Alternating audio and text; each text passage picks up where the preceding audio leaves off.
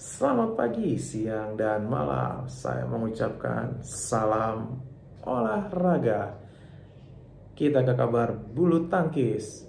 Indonesia Badminton Festival 2021 memasuki event terakhirnya yaitu BWF World Tour Finals di mana sebelumnya ada Indonesian Master dan Indonesian Open dan ini yang merupakan event terakhir di Indonesian Badminton Festival 2021 yang diselenggarakan di Bali, Indonesia.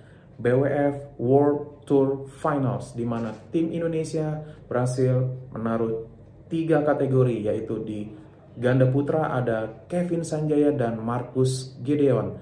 Di ganda putri ada Gracia Polii dan Apriani Rahayu. Dan yang terakhir ada di ganda campuran yaitu Previn Jordan dan Melati Oktaviani.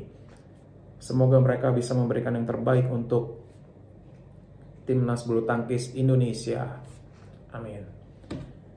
Dan kita ke kabar bola basket yaitu NBA di mana Phoenix Suns berhasil mengalahkan wow, Golden State Warriors dengan skor 104-96 di mana DeAndre Ayton menjadi Pemain terbaik di dalam game ini, dia berhasil mencetak 24 poin, 11 rebound, dan 2 block. Wow, mantap.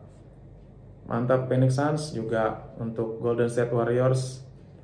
Kekalahan ini tidak akan mengurangi kemampuan Stephen Curry untuk mengangkat timnya di game-game berikutnya.